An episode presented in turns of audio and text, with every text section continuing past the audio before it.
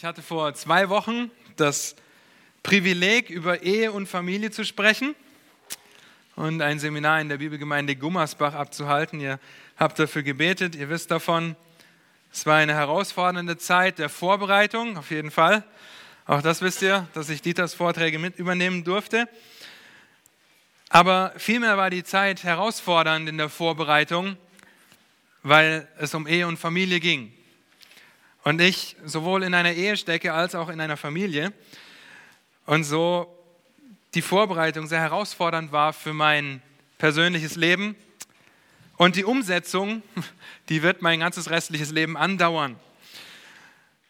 Und heute wollen wir damit beginnen, uns mit einem so wichtigen Thema auseinanderzusetzen, nämlich der Erziehung unserer Kinder. Ja, wir haben so viele Kinder bei uns in der Gemeinde. Das ist wunderbar, das zu sehen, wie viele Kinder hier sind. Ich meine, ihr habt vielleicht vorhin rumgeguckt beim Singen oder auch als Helmut gesagt hat, dass die Kinder in die Kinderstunde gehen dürfen. Auf einmal sind die Reihen leer. Fast. Das ist einfach so schön, viele Kinder auch hier in der Gemeinde zu haben. Und so wird es heute um die Erziehung unserer Kinder gehen. Und wenn ich von Kindern spreche, dann spreche ich so lange von Kindern, wie sie noch bei euch im Haus mitwohnen, nicht volljährig sind. Denn das sind Kinder, denen wir vorstehen sollen.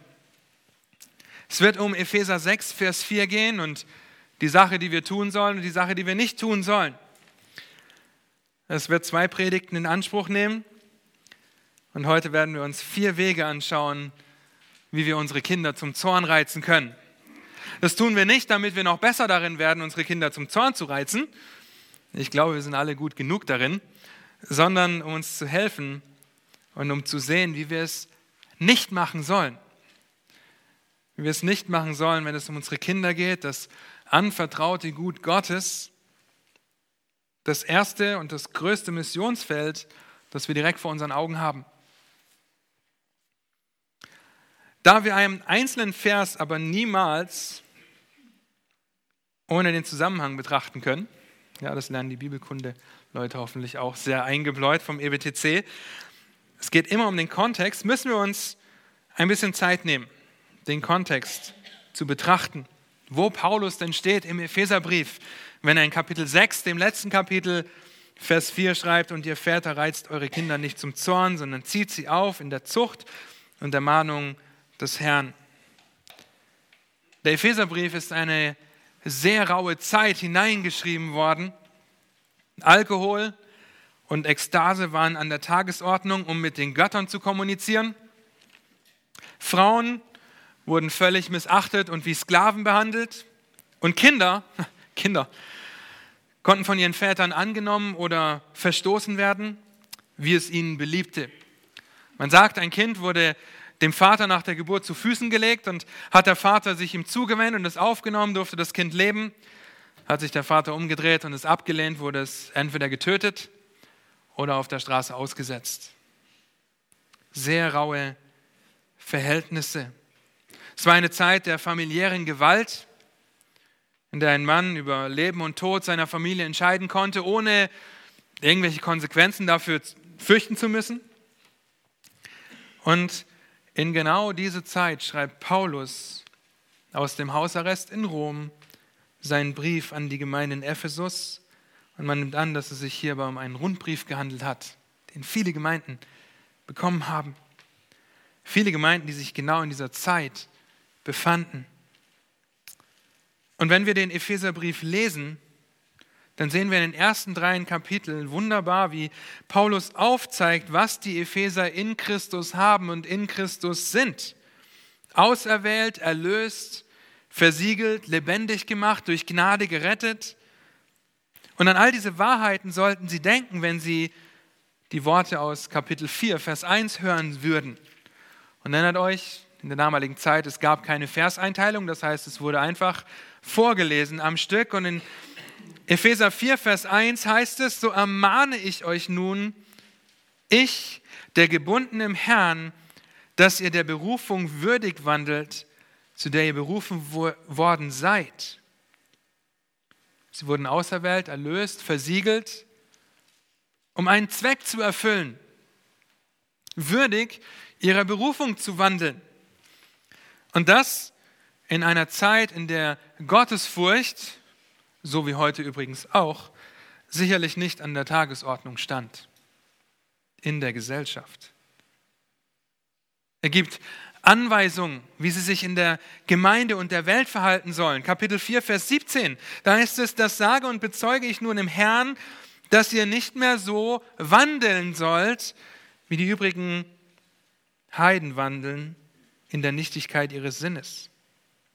Und er zeigt ihnen den Kontrast auf.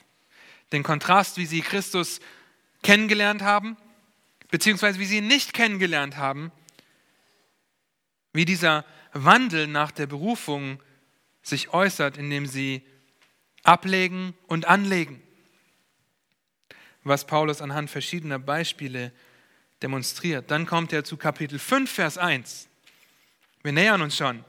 Kapitel 5, Vers 1, da heißt es, werdet nun Gottes Nachahmer als geliebte Kinder und wandelt in der Liebe, gleich wie auch Christus uns geliebt und sich selbst für uns gegeben hat, als Darbringung und Schlachtopfer zu einem lieblichen Geruch für Gott. Das heißt, aufopfernd wandeln in einer Welt, in der jeder nur an sich denkt. In der ein Mann die absolute Gewalt hatte über seine Familie und seine Autorität auch gewalttätig, gewalttätig ausüben konnte. Paulus zeigt dann in den nächsten Versen in Kapitel 5, wie die Welt wandelt. Und dann in Vers 8 heißt es, denn ihr wart einst Finsternis, jetzt aber seid ihr Licht in dem Herrn. Wandelt als Kinder des Lichts. Und er zeigt, wie sie wandeln sollen. Vers 15. Seht nun darauf, wie ihr mit Sorgfalt wandelt. Nicht als Unweise, sondern als Weise und kauft die Zeit aus, denn die Tage sind böse. Und jetzt sind wir langsam bei unserem Abschnitt abgekommen. Es geht um den Wandel. Es geht um ein Leben, das Gott die Ehre gibt, das sorgfältig geführt wird, das eben nicht so gelebt wird, wie der Rest der Welt es lebt. Nicht mehr so wie die Welt, sondern in der Liebe als Kinder des Lichts mit großer Sorgfalt. Und Vers 18 in Kapitel 5 ist ein sehr bekannter Vers, der die absolute Grundlage auch für die folgenden Verse legt. Da heißt es in Kapitel 5, Vers 18, und berauscht euch nicht mit Wein, was Ausschweifung ist, sondern werdet voll Geistes. Um in der damaligen Zeit mit den Göttern zu kommunizieren, wurden wilde Trinkfeste veranstaltet. Und wer am betrunkensten war, der war den Göttern am nächsten, sagt man. Nun allerdings wissen wir, dass Trunkenheit nicht sehr viel mit Kontrolle zu tun hat.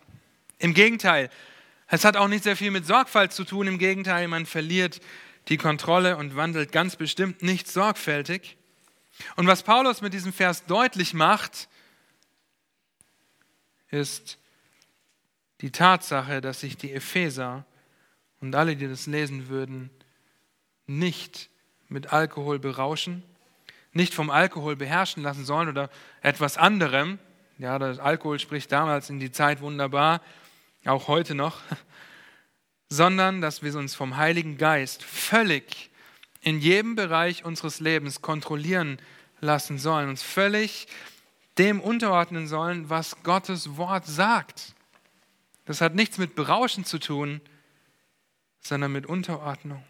Eine Frage nach der Kontrolle. Und dieser Vers, es ist eine nicht abgeschlossene Handlung. Wir werden nicht einmal voll Geistes, wir werden einmal erfüllt mit dem Heiligen Geist und versiegelt, ja, aber wir werden nicht ein einziges Mal voll Geistes, sondern es ist eine Handlung, die wir immer und immer wieder tun müssen. Wir müssen immer wieder bei jeder Entscheidung, die wir treffen, bei jeder Situation, die ansteht, uns immer wieder unter die Kontrolle des Heiligen Geistes stellen, uns ihm unterordnen, was Gottes Wort sagt. Das ist die Frage der Kontrolle. Wer oder was hat Kontrolle über dein Leben? Und Paulus sagt, dass es der Heilige Geist sein sollte.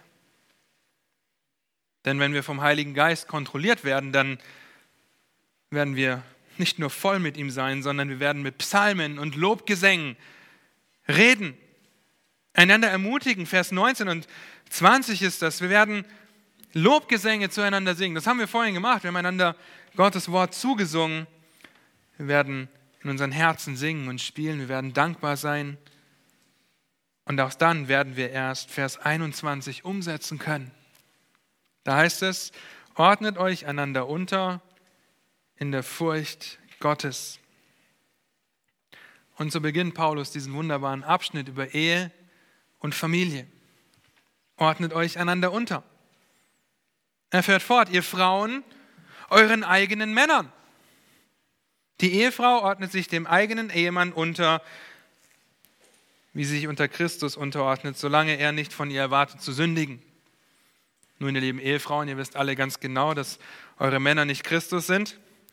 Dann würde es euch vielleicht leichter fallen, aber es ist ja ein Befehl, eine Aufforderung, die nicht an Bedingungen geknüpft ist. Genauso für die Männer, liebt eure Frauen, ist nicht an Bedingungen geknüpft. Ich liebe meine Frau nur, wenn es jeden Tag dreimal Fleisch gibt. Nein.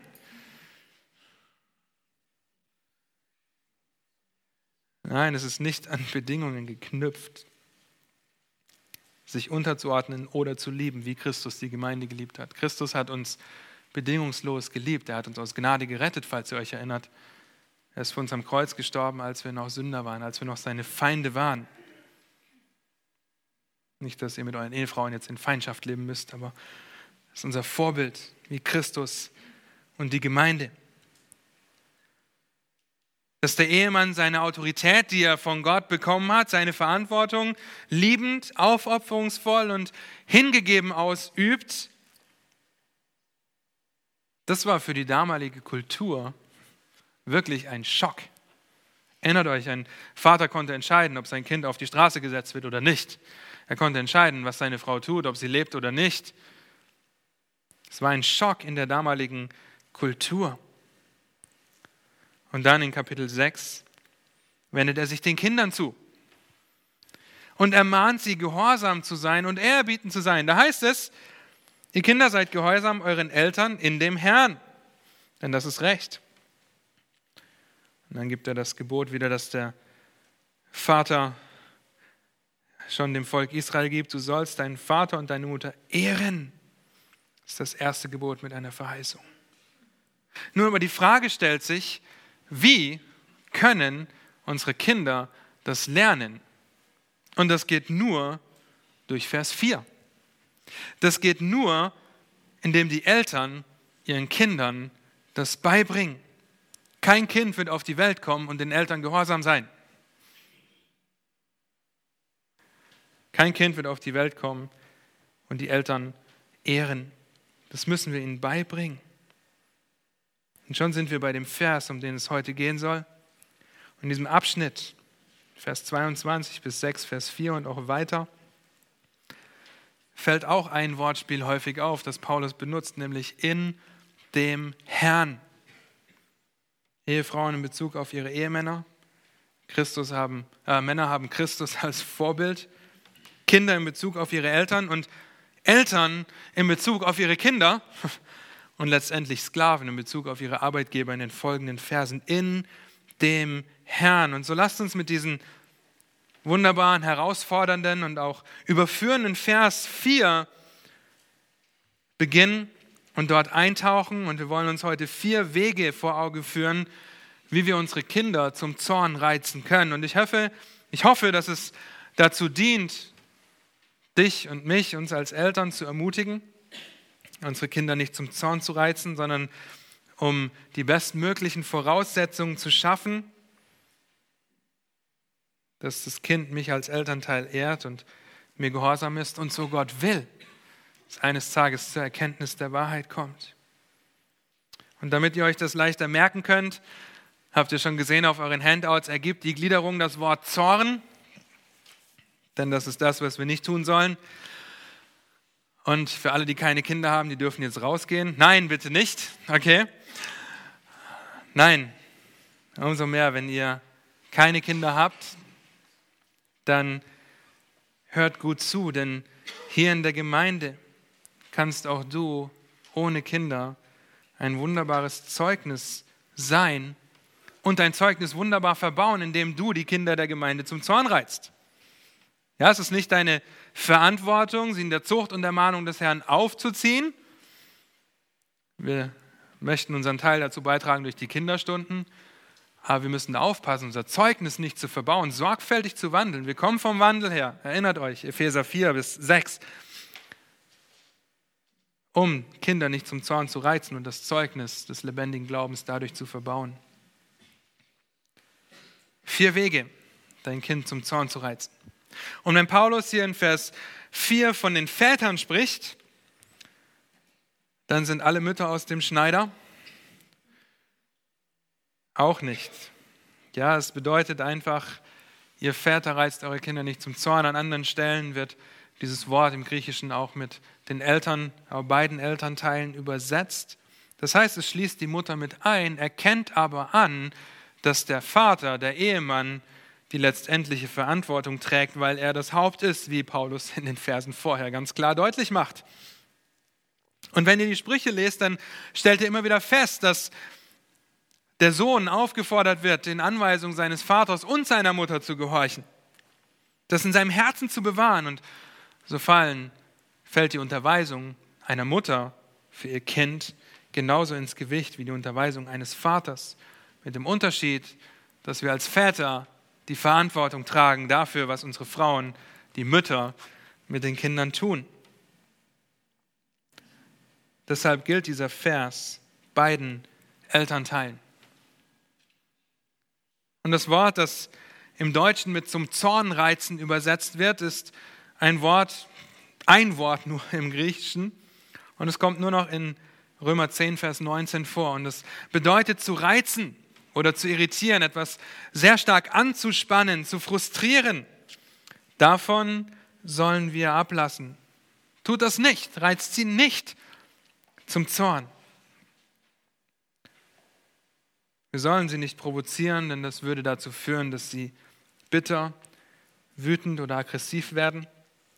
Kolosser 3, Vers 21 sagt dazu folgendes, ihr Väter, reizt eure Kinder nicht, damit sie nicht mutlos werden. Lasst uns die verbleibende Zeit nehmen, um vier Wege zu betrachten, mit denen wir unsere Kinder viel zu schnell zum Zorn reizen und so entmutigen und verbittern können. Einige dieser Punkte werden sich definitiv überschneiden. Und es sind Punkte, die ich versucht habe, auf geistliche Prinzipien herunterzubrechen. Ihr könnt also vieles oder eigentlich alles von den Kämpfen, die ihr habt, wo ihr denkt, ich reize mein Kind dadurch zum Zorn, in eins dieser vier Bereiche einordnen.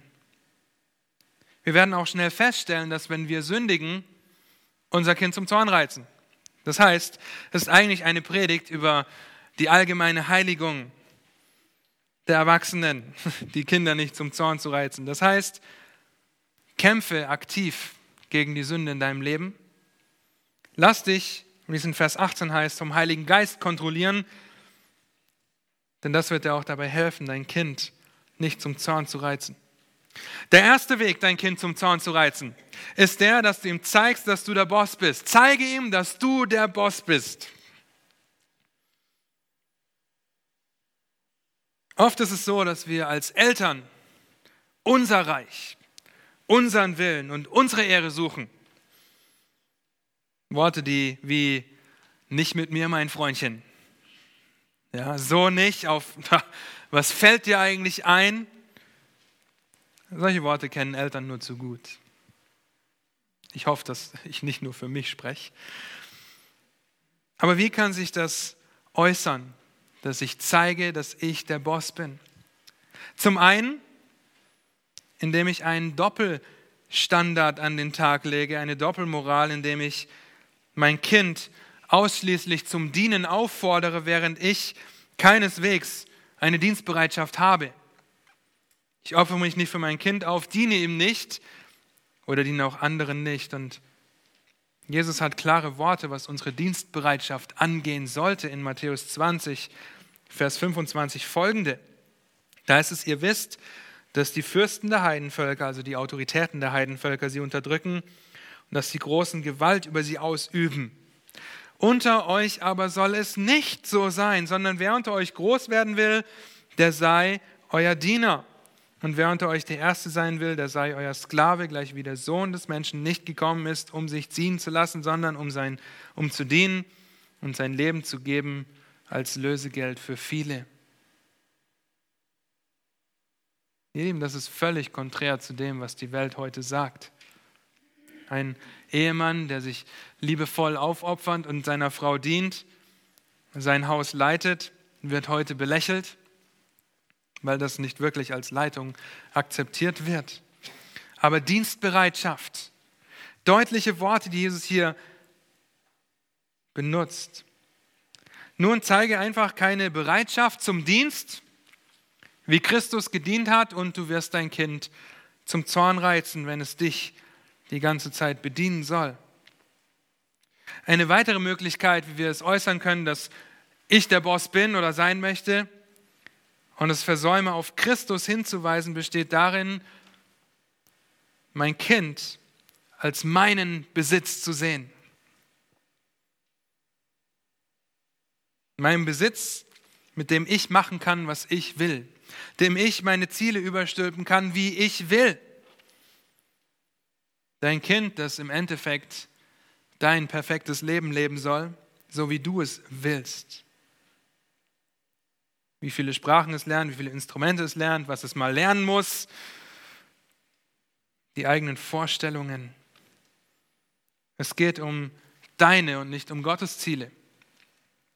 So etwas widerspricht Gottes Wort grundlegend und beim nächsten Mal werden wir uns intensiv mit Gottes Zielen der Erziehung beschäftigen.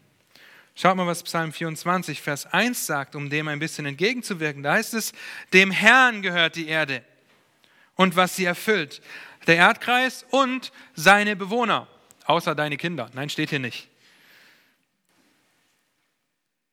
Der Herr ist der, dem alles gehört.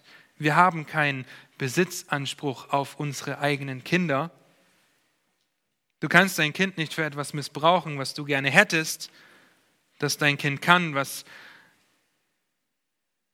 sich nicht mit der Bibel deckt.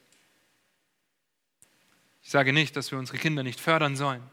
Ja, es geht hier um sündige Einstellungen, dass ich zeige, wer der Boss ist, die ultimative Autorität ausüben will über mein Kind und ihm nicht Christus vor Augen führe, den Fokus auf Christus legen. Wir vergessen viel zu schnell, dass Kinder eine Gabe sind des Herrn sind, ein anvertrautes Gut und wir keinen Besitzanspruch darauf erheben dürfen. Oder zeige, dass du der Boss bist, indem du dein Kind anschreist. Vielleicht sogar Kraftausdrücke verwendest, wenn es deinem Standard nicht entspricht. Brüll es einfach an. Und ihr Lieben, wir leben in einer Welt heute, in der es völlig in Ordnung ist, dein Kind anzuschreien Vielleicht aus Überforderung, vielleicht aus Verzweiflung, vielleicht aber auch nur, weil es nicht macht, was du willst. Aber wenn ihr euch die Generationen anschaut, die heute langsam groß wird, das sind wütende Kinder. Wütend, weil sie nicht erzogen werden, wie Gott sich das wünscht, wie die Schrift das aufzeigt. Also brülle dein Kind einfach an, mach es verbal fertig und du wirst ein bitteres, wütendes Kind haben, das dich weder ehrt noch respektiert. Und wenn es dich respektiert, dann nur, weil es furchtbare Angst vor dir hat. Sprüche 12, Vers 18 sagt dazu, wer unbedacht schwatzt, der verletzt wie ein durchbohrendes Schwert. Verbaler Missbrauch ist heute gang und gäbe und man redet von verbalem Missbrauch, wenn wir rumschreien. Und lasst uns den Fehler nicht machen, dass wir unsere Kinder anbrüllen, weil sie unseren Standard nicht erfüllen. Lasst uns den Fehler nicht machen, dass wir unsere Kinder anbrüllen, wenn sie gegen uns rebellieren. Wir wollen ihnen Gott und Christus nahebringen. Und Christus tut das in Liebe und in Wahrheit. Reize dein Kind nicht zum Zorn, indem du die ultimative Autorität sein willst. Also versäume es nicht, deinem Kind die Dringlichkeit und Wichtigkeit aufzuzeigen, Christus zu folgen. Denn er hat die letztendliche Autorität und alle Knie werden sich vor Christus beugen und nicht vor dir. Keine Chance. Selbst du wirst deine Knie vor Christus beugen. Und wir haben heute das wunderbare Privileg, durch unsere Liebe für Christus zu demonstrieren, dass der Herr auch unsere Kinder liebt und wir darum besorgt sein dürfen, indem wir nicht zeigen, dass wir der Boss sind, sondern indem wir ihnen zeigen, dass Christus der Herr ist, die Autorität hat. Zeige ihnen, wer der Boss ist oder dass du der Boss bist. Das O, zweitens, in unserer Gliederung steht für den zweiten Weg, wie du dein Kind zum Zorn reizen kannst. Und das heißt, ordne dich nicht Gottes Wort unter oder ordne dich Gottes Wort nicht unter. Wie er das aufschreibt, ist egal. Die Dringlichkeit dieses Punktes sollte uns bewusst sein. Ordne dich nicht Gottes Wort unter. Wenn wir uns nicht Gottes Wort unterordnen, dann werden wir es versäumen, ein gutes Vorbild zu sein. Werden wir nicht in der Lage sein, unsere Kinder in der Zucht und der Mahnung des Herrn, wie es im zweiten Teil des Verses heißt, zu erziehen, weil wir ja Gottes Wort nicht ernst genug nehmen. Ja, vielleicht sogar als nicht zeitgemäß betrachten. Indem, wenn du dein Kind zum Zorn reizen willst, dann ordne dich einfach nicht Gottes Wort unter. Hier auch ein paar Beispiele. Sei heuchlerisch. Kritisiere dein Kind einfach kontinuierlich, während du dich nicht annähernd an Gottes Wort prüfst, wie David es getan hat im Psalm 139, indem er betet, erforsche mich, o oh Gott, und erkenne mein Herz. Prüfe mich und erkenne, wie ich es meine. Und sieh, ob ich auf bösen Weg bin und leite mich auf dem ewigen Weg. Nun, du kannst es nur prüfen, indem du dich Gottes Wort unterordnest. Auf der anderen Seite denke einfach, dein Leben ist perfekt. Du musst dich nicht ändern, alles läuft prima. Mein Kind muss sich ändern, auf jeden Fall, um mir zu dienen. Und du bist auf dem besten Weg, dein Kind zum Zorn zu reizen. Wenn du verheiratet bist, dein Ehepartner wahrscheinlich auch. Prüfe und schütze dein Herz, damit du das Herz deiner Kinder schützen kannst. Denn es ist die Quelle des Lebens.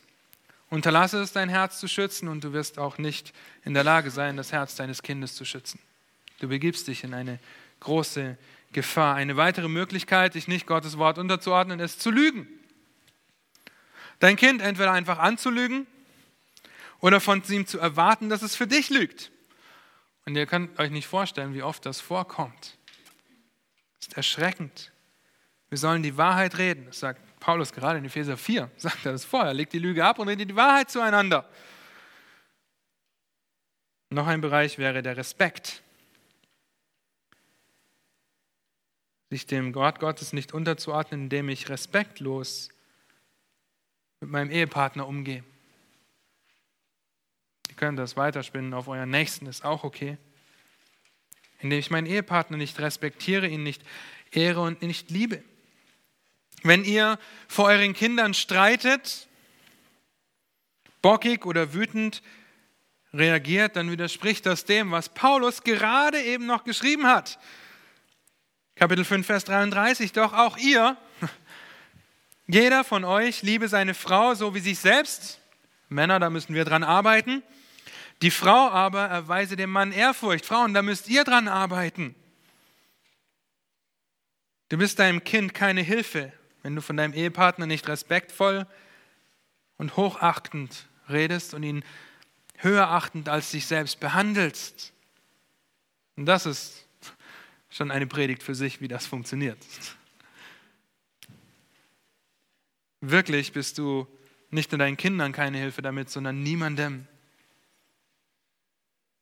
Achte deinen Ehepartner höher als sich selbst. Sei ein gutes Vorbild. Und ihr denkt euch vielleicht, okay, ordne dich nicht dem Wort Gottes unter, das müsste doch eigentlich an erster Stelle stehen. Finde ich auch, aber Zorn fängt nicht mit O an, sondern mit Z. Deshalb ist es der Punkt 2. Aber alle vier Punkte sind sehr wichtig, denn im Endeffekt musst du dich in jedem Bereich deines Lebens Gott und seinem Wort unterordnen.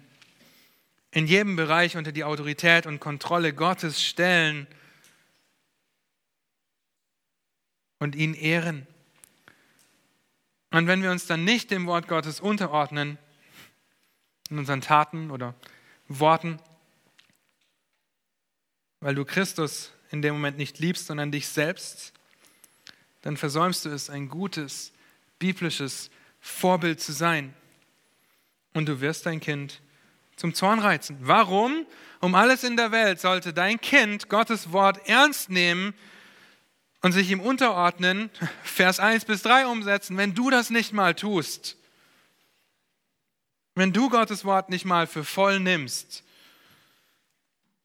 nicht das umsetzt, was die Bibel sagt, in allen Bereichen, auch wenn sie sich schmerzvoll anhören oder hart umzusetzen sind.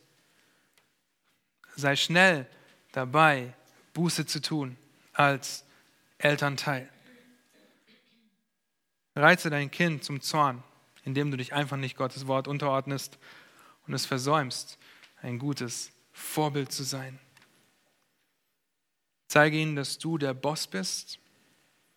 Ordne dich nicht Gottes Wort unter. Und ein dritter Weg, dein Kind zum Zorn zu reizen, ist einfach eine lieblose Reaktion. Reagiere lieblos. Versäume es, biblische Liebe zu demonstrieren. Auch hier wieder. Die Punkte greifen ineinander. Wenn du dich nicht unter Gottes Wort ordnest, dann wirst du garantiert lieblos reagieren. Harten, wie es möglich ist, lieblos zu reagieren? Ich gebe euch eine kurze Auflistung um der Zeit willen, weil Lieblosigkeit so weitreichende Konsequenzen hat. Ungeduld. Sei nicht bereit zu warten oder stresse dein Kind, indem du etwas von jemandem verlangst, was es noch nicht kann, und dann werde ungeduldig darüber. Es widerspricht zum Beispiel Galater 5, 22, wo wir langmütig sein sollen. Eine Frucht des Geistes. Unfreundlichkeit.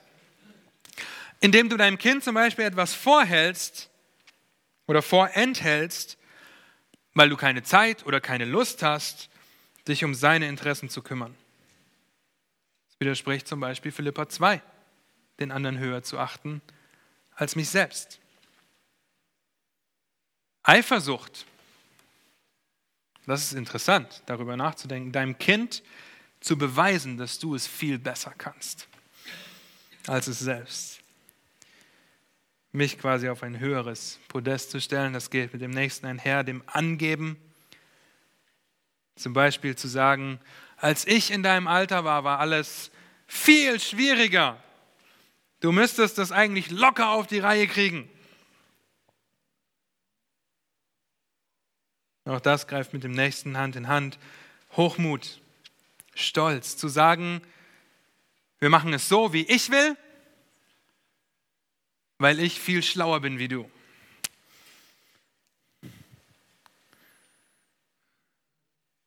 Nun, das mag stimmen, dass wir intellektuell fortgeschrittener sind, aber gerade deshalb sollten wir darauf achten, nicht lieblos zu reagieren, weil wir völlig auf einem anderen Level vom Intellekt her sind und unsere Kinder auf einem ganz anderen Level dadurch auch zu, zum Zorn reizen können, weil sie vielleicht gar nicht mitkommen mit dem, was wir sagen oder was wir verlangen. Oder einfach Fehlverhalten ständig zu kritisieren. Dein Kind dadurch mit Absicht bloßzustellen und zu erniedrigen, indem du seine Fehler und seine Mängel vor anderen ansprichst. Es ist nicht schlimm, wenn dein Kind eine Tasse umschmeißt, weil es die Motorik dazu noch nicht hat. Ja, oder später irgendein ein Bauteil im Computer nicht, Computer nicht zusammenlöten kann, weil es einfach die Fingerfertigkeit oder das Wissen dazu noch fehlt.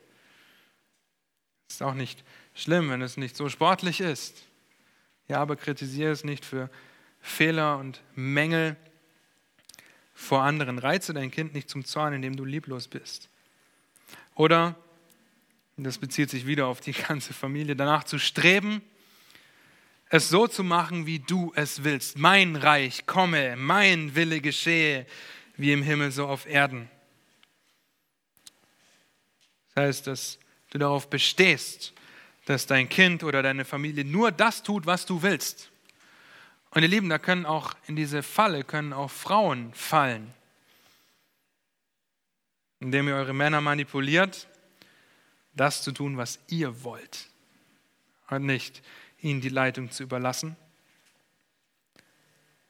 Und wir müssen uns alle hinterfragen, wo wir unsere Kinder zu Zorn reizen, weil wir lieblos sind. Das tun wir alle in einem oder anderen Bereich.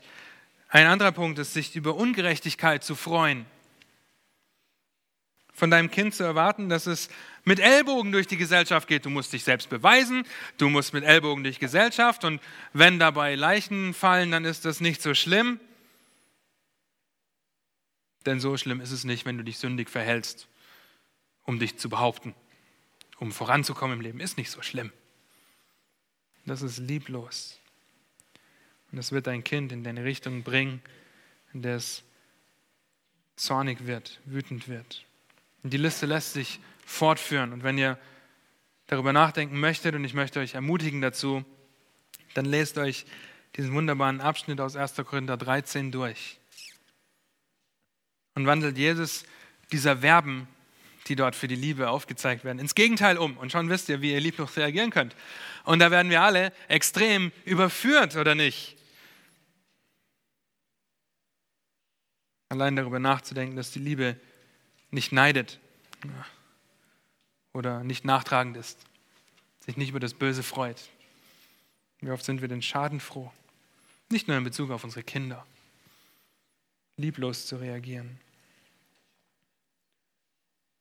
Ein weiterer wichtiger Punkt, der da dazugehört, ist, dass Zurechtweisung und Konsequenz, Zucht und Ermahnung, wie es hier heißt, zu unterlassen das nicht zu tun. Denn die Schrift sagt, wenn der Herr liebt, den züchtigt er wie ein Vater den Sohn, an dem er wohlgefallen hat. Liebe demonstriert sich auch durch Zurechtweisung, durch Zucht und Ermahnung, wie es hier in Vers 4 steht. Das war Sprüche 3, Vers 12.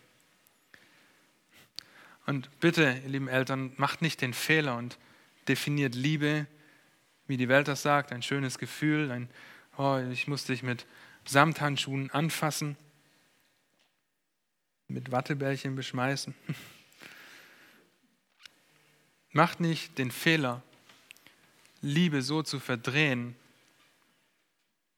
dass ihr euer Kind vor allem schützt und bloß keine Konsequenzen und bloß keine Grenzen und bloß keine Zurechtweisung, keine Zucht und Ermahnung. Lieben, das ist nicht die biblische Vorstellung von Liebe. Denn wen der Herr liebt, den züchtigt er wie ein Vater den Sohn. Könnt ihr auch in Hebräer 12 nachlesen. Also Lieblosigkeit setzt weder Grenzen noch Konsequenzen. Und das Resultat, das wir auch heute daran sehen, ist, dass wir junge Erwachsene haben,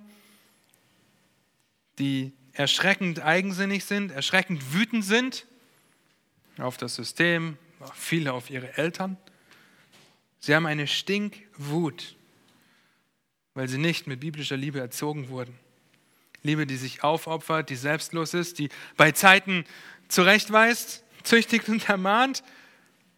Liebe, die Gottes Ehre nicht sucht.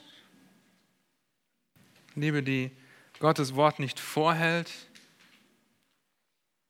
die Gottes Wort nicht umsetzt und nicht konsequent mit Sünde umgeht.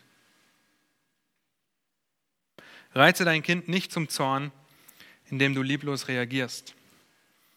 Versäume es nicht, biblische Liebe zu demonstrieren. Und hier könnt ihr wirklich fast jeden Bereich einordnen.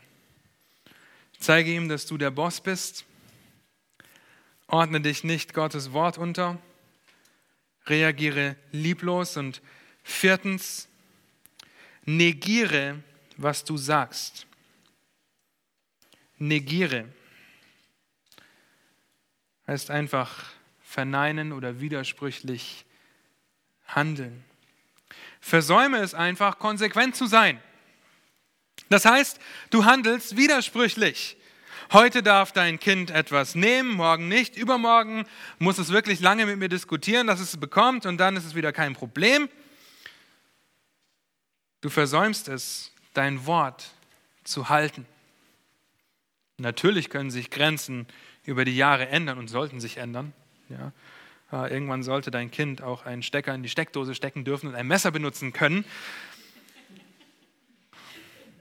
Wäre schlecht, wenn das nicht so wäre. Ja. Oder aus einem Glas trinken, Auto fahren, allein mit Öffentlichen zur Schule kommen und was auch immer. Das sollte dein Kind irgendwann können. Aber immer mit einer Konsequenz, dass du nicht widersprüchlich handelst in dem Ganzen. Dass du in dem Bereich, in dem du gerade Grenzen setzt, nicht heute so sagst und morgen so. Ah, heute, ah, ich habe keine Lust, heute eine Konsequenz dafür zu geben, dann ist es in Ordnung. Ich bin zu faul dazu, mit anderen Worten. Ich ordne mich nicht Gottes Wort und ich bin lieblos. Oder plötzlich konsequent zu sein für was, wo dein Kind überhaupt nicht weiß, dass es eine Grenze ist. Und dadurch wird das auch verschwimmen, wenn wir widersprüchlich handeln, hat unser Kind irgendwann keine klare Definition mehr von dem, was es darf und was es nicht darf. Dadurch machen wir uns unglaubwürdig. Nun, und das kann auch genau andersrum sein, indem du deinem Kind versprichst, ja, heute gehen wir ins Linden Center Eis essen und dich nicht daran hältst. Das kann dein Kind genauso zum Zorn reizen. Auch hier, ich weiß, dass manchmal Dinge dazwischenkommen, was nicht möglich ist, aber dann erklärt das euren Kindern in Liebe und erklärt ihnen, warum das nicht geht. Aber sagt nicht, das funktioniert nicht, weil ich habe keinen Bock. Ja? Mangelnde Dienstbereitschaft. Oder ein anderer Bereich, in dem du als Ehemann und deine Frau, in dem ihr euch nicht einig seid in verschiedenen Punkten und Kinder kriegen das so schnell raus. Ihr müsst nicht glauben, dass mein Kind erst mit sechs Jahren versteht, was Papa und Mama unterschiedlich denken. Ja, das geht so schnell.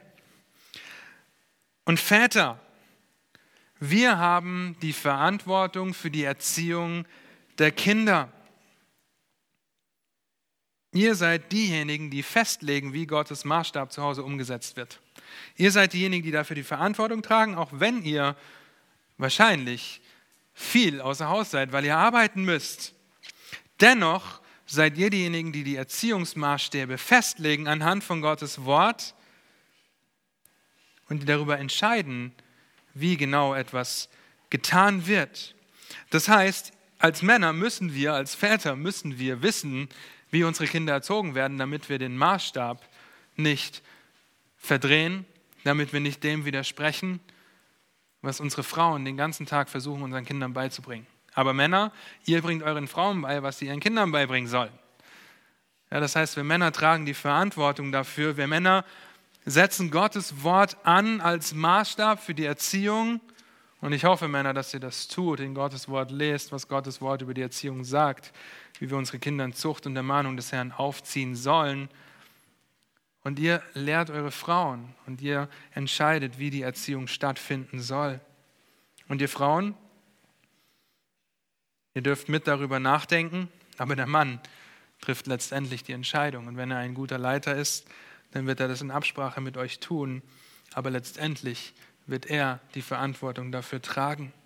Das heißt, wisst darüber Bescheid, Männer, wie eure Frauen die Kinder erziehen und gebt ihnen die richtige biblische Richtung vor, wie sie das tun sollen. Seid nicht passiv. Kommt nicht nach Hause und sagt, ich will meine Ruhe haben. Ich gehe erstmal an den Computer. Nein.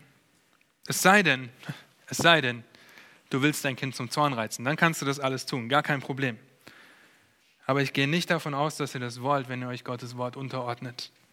Denn hier steht es, reizt eure Kinder nicht zum Zorn. Dazu gehört auch der wichtige Punkt der Zurechtweisung, der Disziplin oder Zucht und Ermahnung. Grenzen zu setzen und konsequent zu sein. Konsequent für diese Grenzen einzustehen und zwar sofort, fröhlich und genau. Nicht erst bis drei zählen. Oder eben heute so, morgen so. Oder das sündige Verhalten deines Kindes mit seinem Temperament oder Charakter zu relativieren. Ich weiß, dass es harte Arbeit ist und ich weiß, dass Kinder unterschiedlich sind. Keine Frage. Aber wenn es uns unmöglich wäre, eine gewisse Art von Temperament oder Charakter eines Kindes nicht biblisch erziehen zu können, dann würde die Bibel eine Ausnahme machen, weil die Bibel nichts von uns erwartet, was unmöglich ist. Ich weiß, dass es harte Arbeit sein kann, die Eltern an die Grenzen der Verzweiflung bringt und sie in dem Moment hoffentlich daran erinnert, dass sie in der Abhängigkeit und Kontrolle Gottes erziehen. Aber wie gesagt, wenn du dein Kind zum Zorn reizen willst, dann sei nicht konsequent, setze Gottes Maßstab nicht um, setze ihn nicht gehorsam um und du wirst schnell ein wütendes Kind haben. Auf der anderen Seite kannst du dein Kind so schnell zum Zorn reizen, indem du ihm, indem du Widersprüche lebst und durch Zorn und Wut und Verzweiflung heraus reagieren. Und dein Kind zum Beispiel, wir haben schon darüber gesprochen, anschreien oder gar verprügeln. Wir wehren uns definitiv dagegen, unsere Kinder zu verprügeln. Das ist Sünde. Es geschieht in Wut und in Zorn. Wir wehren uns dagegen, Kinder in Sünde, in Wut und Zorn zu erziehen. Und dazu müssen wir Gottes Wort kennen und müssen in der Abhängigkeit von Gott leben. Und das fällt mir bei weitem nicht jeden Tag leicht und euch garantiert auch nicht, weil wir in einer gefallenen Welt leben. Lasst uns nicht den Fehler machen, zu denken, die Schrift hat nicht recht, wenn es um Erziehungsaufgaben geht, um Erziehungsmaßnahmen. Das heißt, sei konsequent in deiner Konsequenz und handle nicht widersprüchlich. Vielleicht trifft auch Folgendes auf dich zu. Du bittest dein Kind nicht um Vergebung, wenn du gegen es sündigst. Erwartest aber von ihm, dass es sich sofort entschuldigt, wenn es etwas falsch gemacht hat. Seht ihr, wie das widersprüchlich ist? Wie ihr widersprüchlich zu dem handelt, was ihr sagt? Unsere Kinder kennen uns sehr gut. Und sehr früh wissen sie schon, wann wir gegen Gottes Wort verstoßen und nicht, wenn wir ihnen Gottes Wort vor Augen führen. Nun, als Elternteil bist du kein gutes Vorbild, wenn du dich auf eine andere geistliche Stufe hebst wie dein Kind. Ja, dein Kind ist geistlich tot, aber Vergebung und um Vergebung bitten, das müssen wir alle, denn die Schrift macht das deutlich. Eventuell bist du auch nicht bereit, deinem Kind zu vergeben. Vielleicht auch deinem älteren Kind. Ich kann dir das nicht verzeihen. Das war so schrecklich, was du mir damals angetan hast. Ich kann es dir nicht verzeihen, dass du mich jahrelang bestohlen hast. Ich kann es dir nicht verzeihen,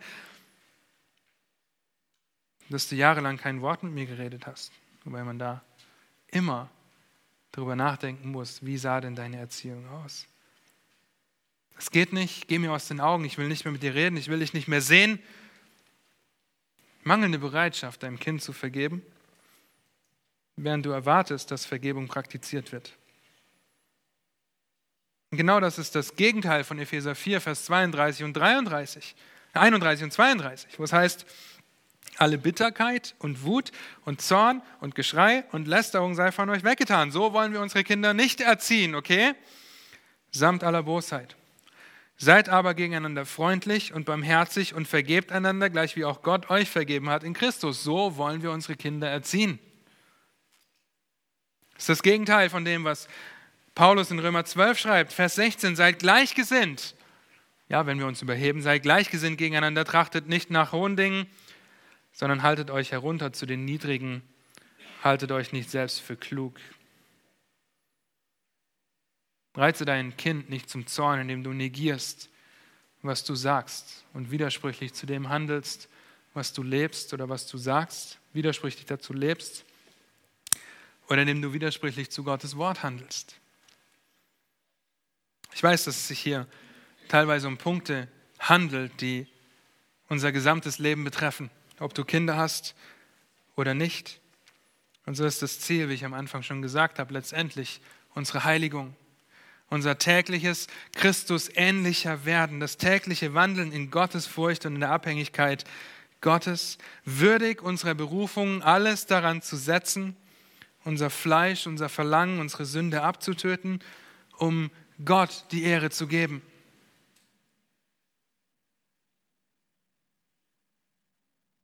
Und wenn du Gott nicht die Ehre geben möchtest, wenn es um das Wichtigste geht, was er dir anvertraut hat, deine Kinder, dann setze die vier Punkte in deiner Erziehung um. Aber wenn du dein Kind in der Zucht und der Ermahnung des Herrn großziehen und unterweisen möchtest, dann halte dir diese Punkte vor Augen und setze alles daran, sie nicht umzusetzen. Versäume es nicht, Christus in den Mittelpunkt zu stellen. Zeige deinem Kind, wer der Boss ist, nämlich Christus. Versäume es nicht, ein gutes Vorbild zu sein. Ordne dich Gottes Wort unter. Versäume es nicht, biblische Liebe zu demonstrieren. Reagiere liebevoll. Und versäume es nicht, konsequent zu sein. Negiere nicht, was du sagst. Das alles funktioniert aber nur, wenn du dich, wenn ich mich, wenn wir uns unter die Kontrolle, die Ermahnung und die Zucht des Herrn stellen, der uns teuer erkauft hat durch seinen Tod am Kreuz, daran werden wir gleich noch denken, der uns dadurch überhaupt erst in die Lage versetzt, das umzusetzen, was hier steht. Anders ist das nicht mehr als Pharisäertum. Weil er uns vorherbestimmt hat zur Sohnschaft durch Christus. Er hat uns errettet, damit wir zum Lob seiner Herrlichkeit dienen, weil er uns auf Christus hoffen ließ. Vergesse nicht, zum Kreuz zu gehen, wo wahre Veränderung stattfindet. Ihr Väter, reizt eure Kinder nicht zum Zorn, sondern zieht sie auf in der Zucht und Ermahnung des Herrn. Setzt alles daran, dass ihr euch Gottes Wort aussetzt und das tut, was sein Wort sagt. In jedem Bereich eures Lebens und besonders in jedem Bereich, wenn es um die Erziehung geht. Seid nicht nur Hörer des Wortes. Und das sind wir so schnell in diesem Bereich. Ich bin Hörer, ich höre das alles, aber es fällt mir schwer, das umzusetzen, weil ich liebe meine Kinder. Ja, aber wenn du biblische Liebe verstehst, dann wirst du umsetzen, was die Schrift sagt. Wir werden uns beim nächsten Mal sehr intensiv damit beschäftigen. Seid nicht nur Hörer des Wortes, wenn es zu der Erziehung eurer Kinder kommt. Amen. Lasst mich noch beten.